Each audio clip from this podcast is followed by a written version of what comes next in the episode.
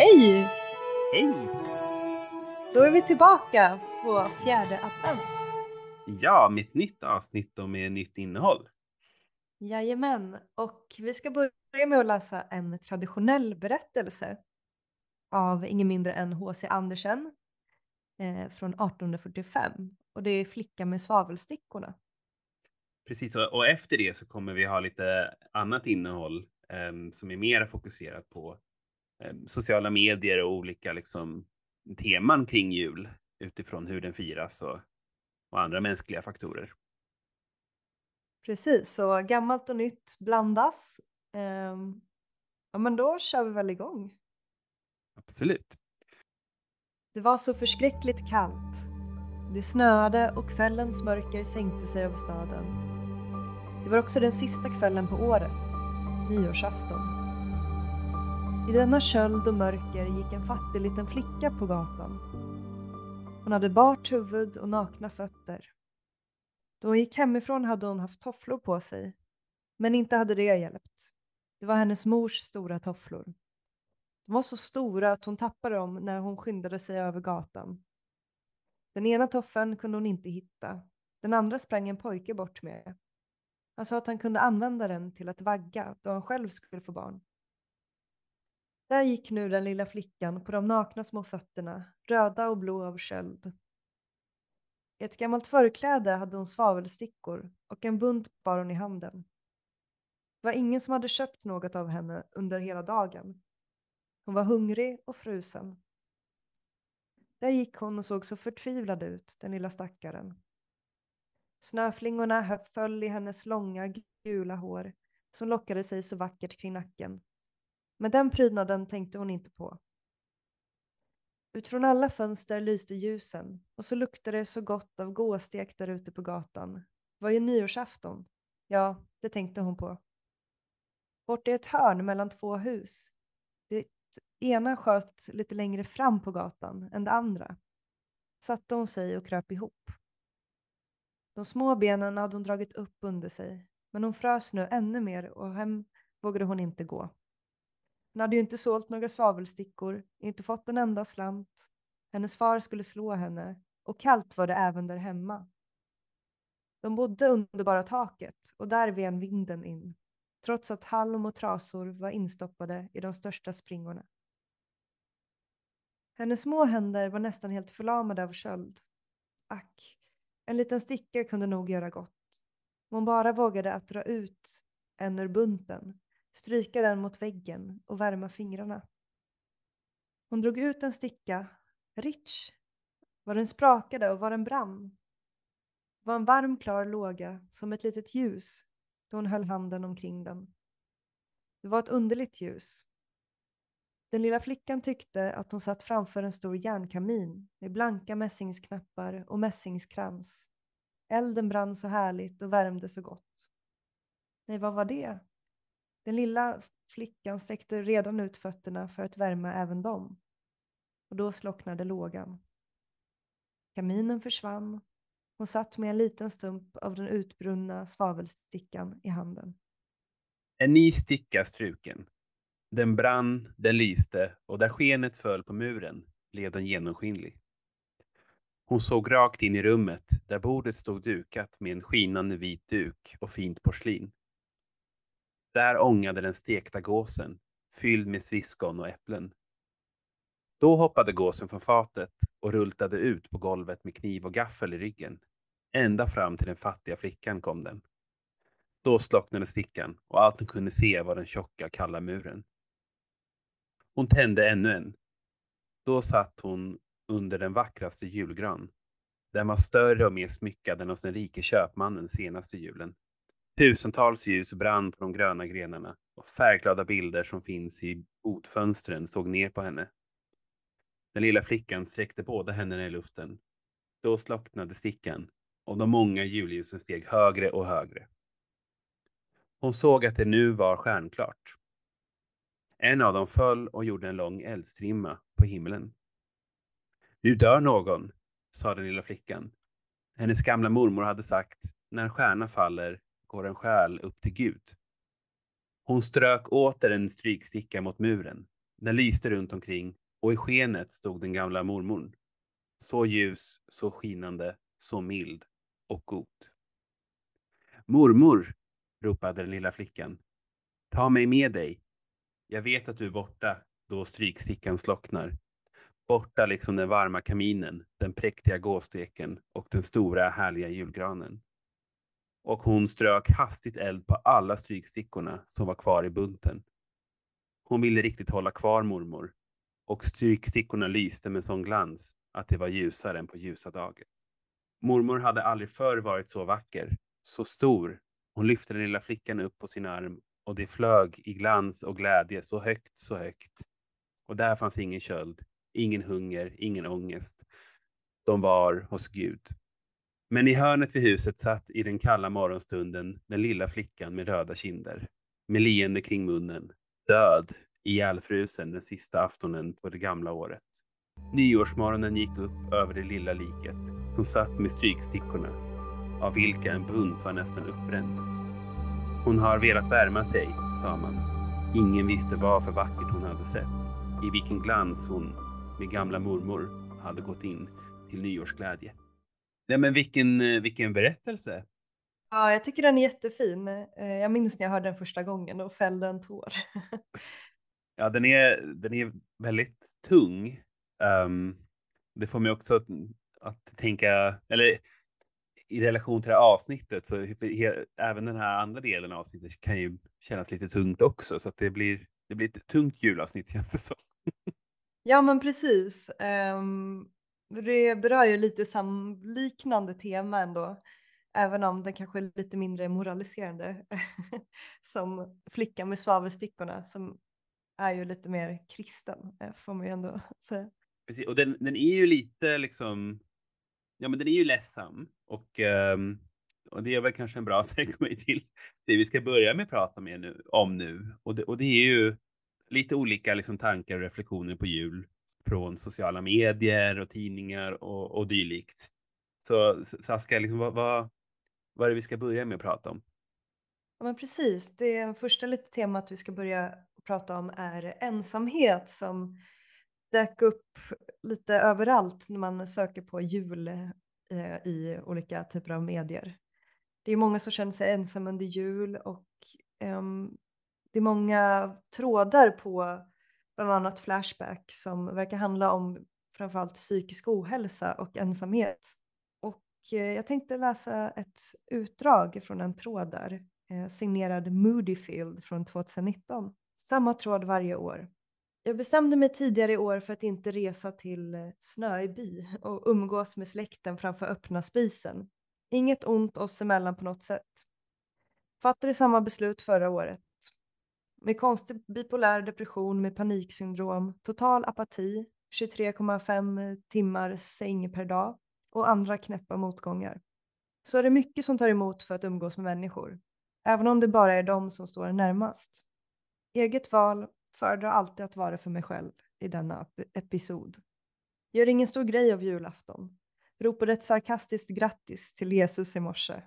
Ska fortsätta äta kakor med mjölk hela dagen, ligga på rygg och stirra upp i taket. Gör samma sak på nyår. Håll hårt era deprimerade vänner på nyårsafton och nyårsdagen. Ja, det var ju en väldigt talande tråd tycker jag. Ja, och väldigt, eh, ja men verkligen. Eh, lite sorgligt men också med liksom en fin, fin uppmuntran får man säga. Jag kan tycka mig känna igen det där mycket, att många mår ju dåligt på jul, men man kan många gånger också hitta den här humorn tycker jag. Hos många som pratar om det också. Ja, och ibland en tröst också att tillåtas få vara själv om man vill vara det. Att, man, ja, att det är okej att inte nödvändigtvis fira med andra om man inte orkar. Det kan ju vara en liten, liten tröst i alla fall. Att det finns finns andra som känner likadant och som accepterar det. Precis, och det, det var någonting som kom fram lite i, i undersökningen, eller undersökningen får det låta väldigt seriöst, men när vi kollade igenom de här trådarna att man märker ju att den här tråden, precis som den här också författaren skrev, att det är ju en, en tråd som återkommer varje år och att på så vis kanske indirekt har blivit att det här är ett sätt man umgås på över jul idag. Ja, ja men eller hur? Ett mer kravlöst sätt Man kan själv liksom diktera lite ja, men vad man vill säga och vem, hur man vill kommunicera och sådär. Så det, det kan ju vara fint på ett sätt också. Ja, jag tänker för vi har ju ett till litet utdrag här från, från Reddit som också är kopplat till just ensamhet. Och den här tyckte jag själv var, var också lite tung, precis som svavelflickan, men på, på, på ett annat sätt. Um, och, och tråden heter då Ledsamt möte med äldre dam. Och den går Jag och min son åt på korvkiosken förut. Det kommer in en mycket skröplig dam som måste ha varit långt över 80 och ska äta. Personalen hjälpte henne jättemycket med allt, men när hon började äta så började hon stortjuta. Vi skulle precis gå, men jag fick sätta mig vid henne och, hon, och frågade om hon var okej. Okay. Hon grät och grät och till slut fick hon fram att det är så tomt. Hon saknade sin man som dog för några år sedan. Hela släkten är död, inga barn. Jag har firat de senaste julaftarna själv. Jag vill inte sitta själv en jul till. Försökte hålla tillbaka tårarna, beklagade, frågade om hemtjänst och föreslog Frälsningsarmén. Kan ju inte göra så mycket mer. Men när vi gick ut och min son frågade vad hon sa så brast det för mig. Jag började böla, mitt på stan. Nu vill jag nästan försöka leta upp henne och bjuda hem henne på jul. Det gör så ont i hjärtat på mig. Fy vad hemskt jobbigt. Så många som den här damen har det. Jag önskar samhället kunde göra mer för dem. Och det här skrevs då alltså av OG Sister Midnight. Och det är en tråd från i år. Ja, nej men fruktansvärt sorgligt. Men också på något sätt sorgligt. Hon verkar ju vara så pass pigg att hon kan gå, gå ner till korvkiosken. Och då lite som hon nämnde där i tråden också. Att det kanske ändå känns som ett stort steg att faktiskt ta sig till men till exempel Frälsningsarmén eller träffa någon typ av folk eh, om man nu vill det. Som ändå verkar ganska fysiskt pigg. Men, men det är ju såklart, det är inte, det är inte bara det som det enda kravet. Nej, det är väl svårt att sätta sig in i liksom vilka spärrar som hamnar på plats i den åldern Precis. när man inte själv har liksom kommit dit. Jag såg också att det var lite, lite andra toner i kommentarsfältet. Också lite mer positiva som vägde upp den, den där mör, mörka historien. Okej. Okay. Mm. Ja, men jag, jag läser lite från den. Jag älskar verkligen att hänga med min farmor som fyllde 90 år. Farfar dog för tio år sedan, men hon bor kvar själv i samma hus som de flyttade in på 60-talet själv. Hon har mycket att leva för och jag skulle säga att hon är lycklig. Hon går promenader både själv och med andra pensionärer, fixar fika åt orienteringsklubben ibland, tar hand om trädgården och trädgårdslandet, kör bil, firar högtider med släktingar och så vidare. Jag är på besök minst en gång i veckan, min pappa likaså och min farbror varje fredag. Mina kusiner lite då och då. Man kan leva själv utan att vara ensam. Jag förstår att inte alla är pigga som henne, men tycker ni är lite väl negativa här. Jag känner flera gamla, gamla som lever aktiva liv och inte sitter och gaggar i överfylld blöja. Ta hand om hälsan, ta hand om familjerelationerna och ha lite tur så kan man leva ett bra liv väldigt länge. Rune Haraldsson intervjuade mig flertal gånger som reporter för Sveriges äldsta tidning NT i orienteringssammanhang när han var en bra bit över 90. Jag tror han var närmare 100 när han tog husvagnen till Spanien själv. Och där mm. skriver mm. användaren Einfie i samma tråd. Ja, nej men det där var ju, tyckte jag var en väldigt ändå uppmuntrande och viktig kommentar. Och jag, jag såg också att det där var ju liksom till, till, till svar på, på en tråd i tråden där folk började prata om att varför ska vi hjälpa våra äldre och dylikt. Så jag tyckte det var, det var, det var en väldigt bra röst. Ja, väldigt positiv, men unik skulle jag påstå. Att de besöker varje dag, eh, i alla fall pappan. Det verkar som att det, ja, men den här personen lever ett extremt socialt liv. Så kanske inte standard skulle jag säga, men, men ändå ett positivt exempel, absolut. Ja, men jag, jag tycker att det också adresserar väl kanske en sån här väldigt viktig samhällsfördom. Att bara för att du har passerat ett, en viss ålder så är du liksom inte självständig längre. Det, så kan det absolut vara i många fall, men, men inte i alla fall. Jag menar den, den här Rune Haraldsson åkte ju husvagnen själv till Spanien till exempel. Och det var ju då utan familj till och med, så att familj är inte heller någonting man alltid måste ha med i ekvationen. Nej, ändå lite hoppfullt tycker jag. Ja, det var, det var en bra motvikt tyckte jag. Ja. till, till den gamla damen som åt korv. Verkligen. Speciellt också lite sådär kulturellt för att man ofta hör att ja, det är så många ensamhushåll i Sverige. Om man inte har familj som det är i många andra länder då är det, då är det kört. men eh, Precis. tydligen inte.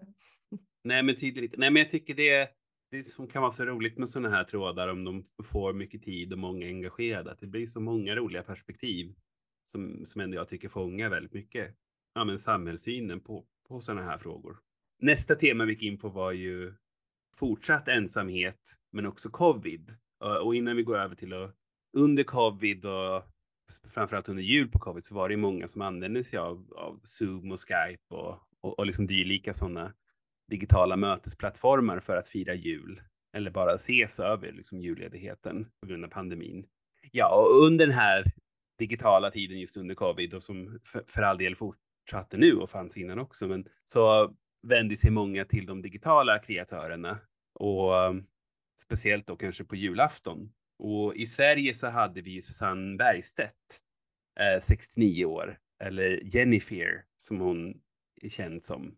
Och hon har cirka 50 000 följare och 6 miljoner visningar på streamingplattformen Twitch och har blivit en av Sveriges mest populära innehållsskapare som sänder på svenska. Eh, hon är en av fyra digitala djurvärdar som deltar i BRIS och Svenska e-sportförbundet program på julafton. Men redan i ottan tänkte hon sända sin vanliga frukostsändning under det särskilda julprogrammet. Det här var ju lite då från en artikel om Susanne Bergstedt från 2020 där hon då streamade på julafton så att folk kunde komma och kolla. Det tyckte jag var väldigt spännande. Man blir nyfiken på hur hon har upptäckt det här, vem hon är. Ja, jättespeciellt. Jag undrar också liksom hur, hon, ja, men hur, hur underhållande hon är och hur mycket som är att hon faktiskt är en äldre person eller om hon också är väldigt en bra liksom, underhållare. Ja, men det blir man. Jag tycker det öppnar ju ändå dörren att alla generationer har möjlighet att ta del av den digitala plattformen. Att det inte längre bara är en plattform för de unga utan och kanske just under jul så, så är det här någonting alla kan ta del av. Som kanske en medicin mot ensamheten. Ja, och jag tycker det känns lite som en tröst också att precis äldre kan spela redan eh, och interagera redan nu. Men jag tänker också, ja men det är ett jättebra sätt när man just inte heller kan röra sig så mycket och ändå få någon typ av social inter interaktion. Eh, vilket det känns hoppfullt tycker jag för kanske extra mycket vår generation som är vana vid att liksom spela och interagera på det sättet eh, framöver. Ja, och då är det också, tycker jag i alla fall, lite speciellt att en äldre person kan komma vara en tröst till också en yngre generation på en plattform som oftast har känts väldigt bunden till den yngre generationen också. Jag tyckte det var, det var, nej men det var speciellt att läsa om henne. Om, vi, om man tittar lite vidare på just temat covid och jul på Flashback som jag kollat på. Eh, för där är det lite blandade, blandade åsikter annars. Jag ska läsa några exempel. Då skriver Diamond Grit från 2020. Och det här är som tråd om hur folk firar jul på Flashback under covid. Precis.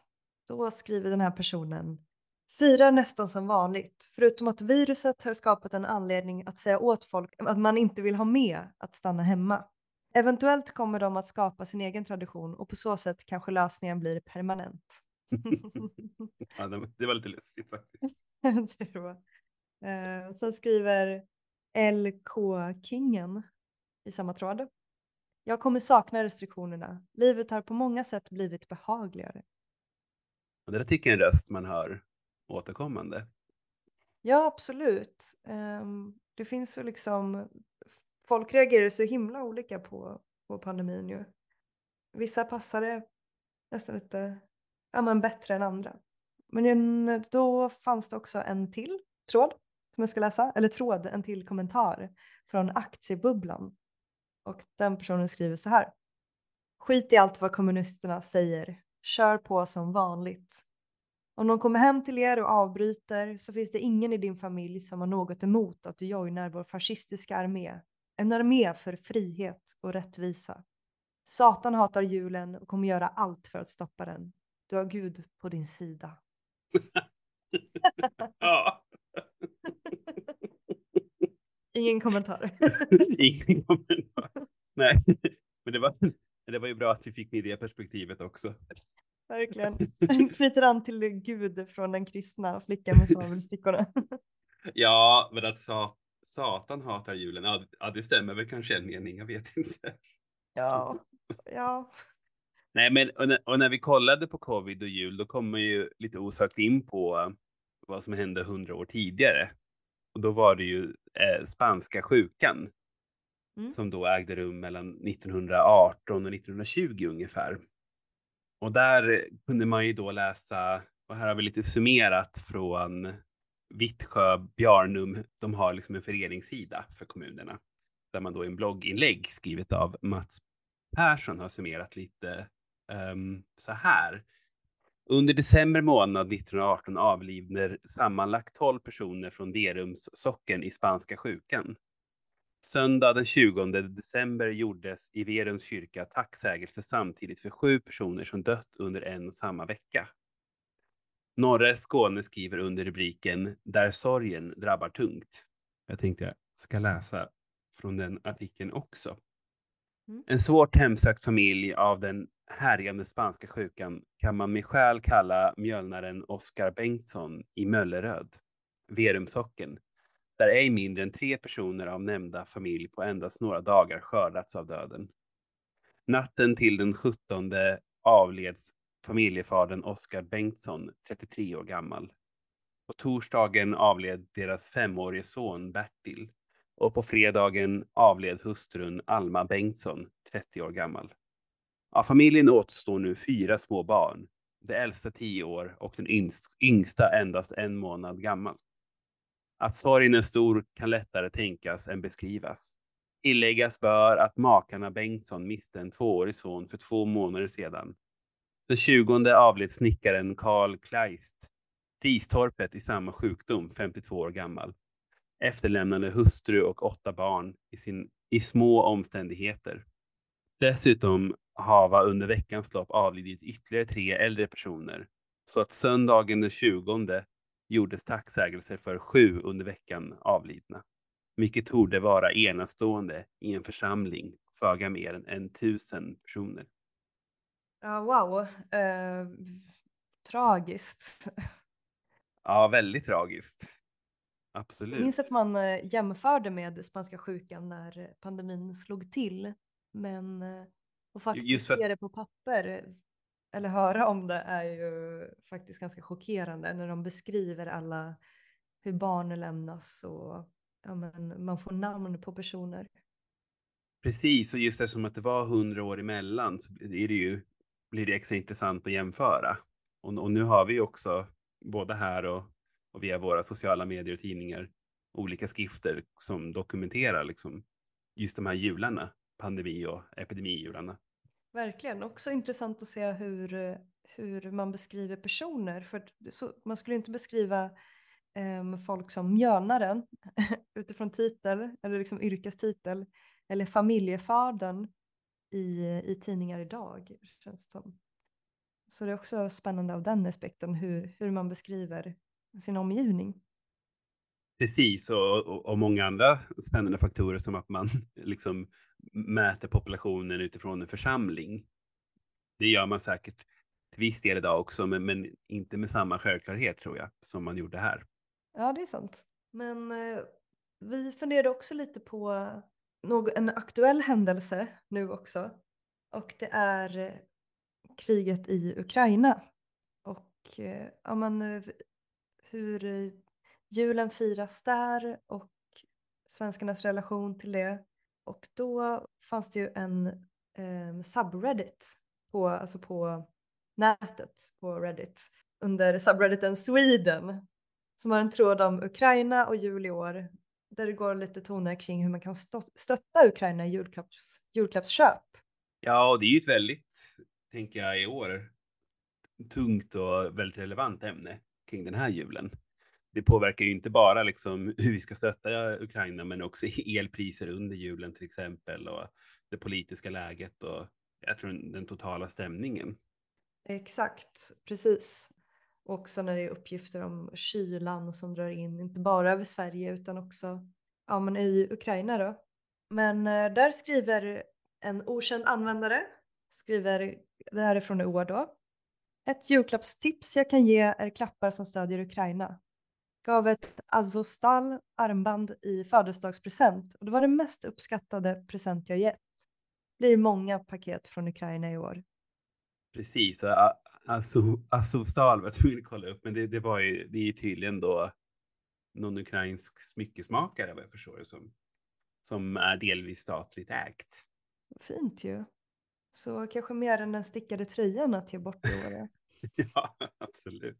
En annan Paravastha, tror jag att det uttalas, skriver ja, så här. Jag funderade också på det där namnet. Det var, mm. Ja, inte jättetydligt. Den skriver Jag vill gärna köpa en soppslev från de räddade bitarna efter ett nedskjutet ryskt stridsplan eller dylikt. Want not, waste not. ja. ja.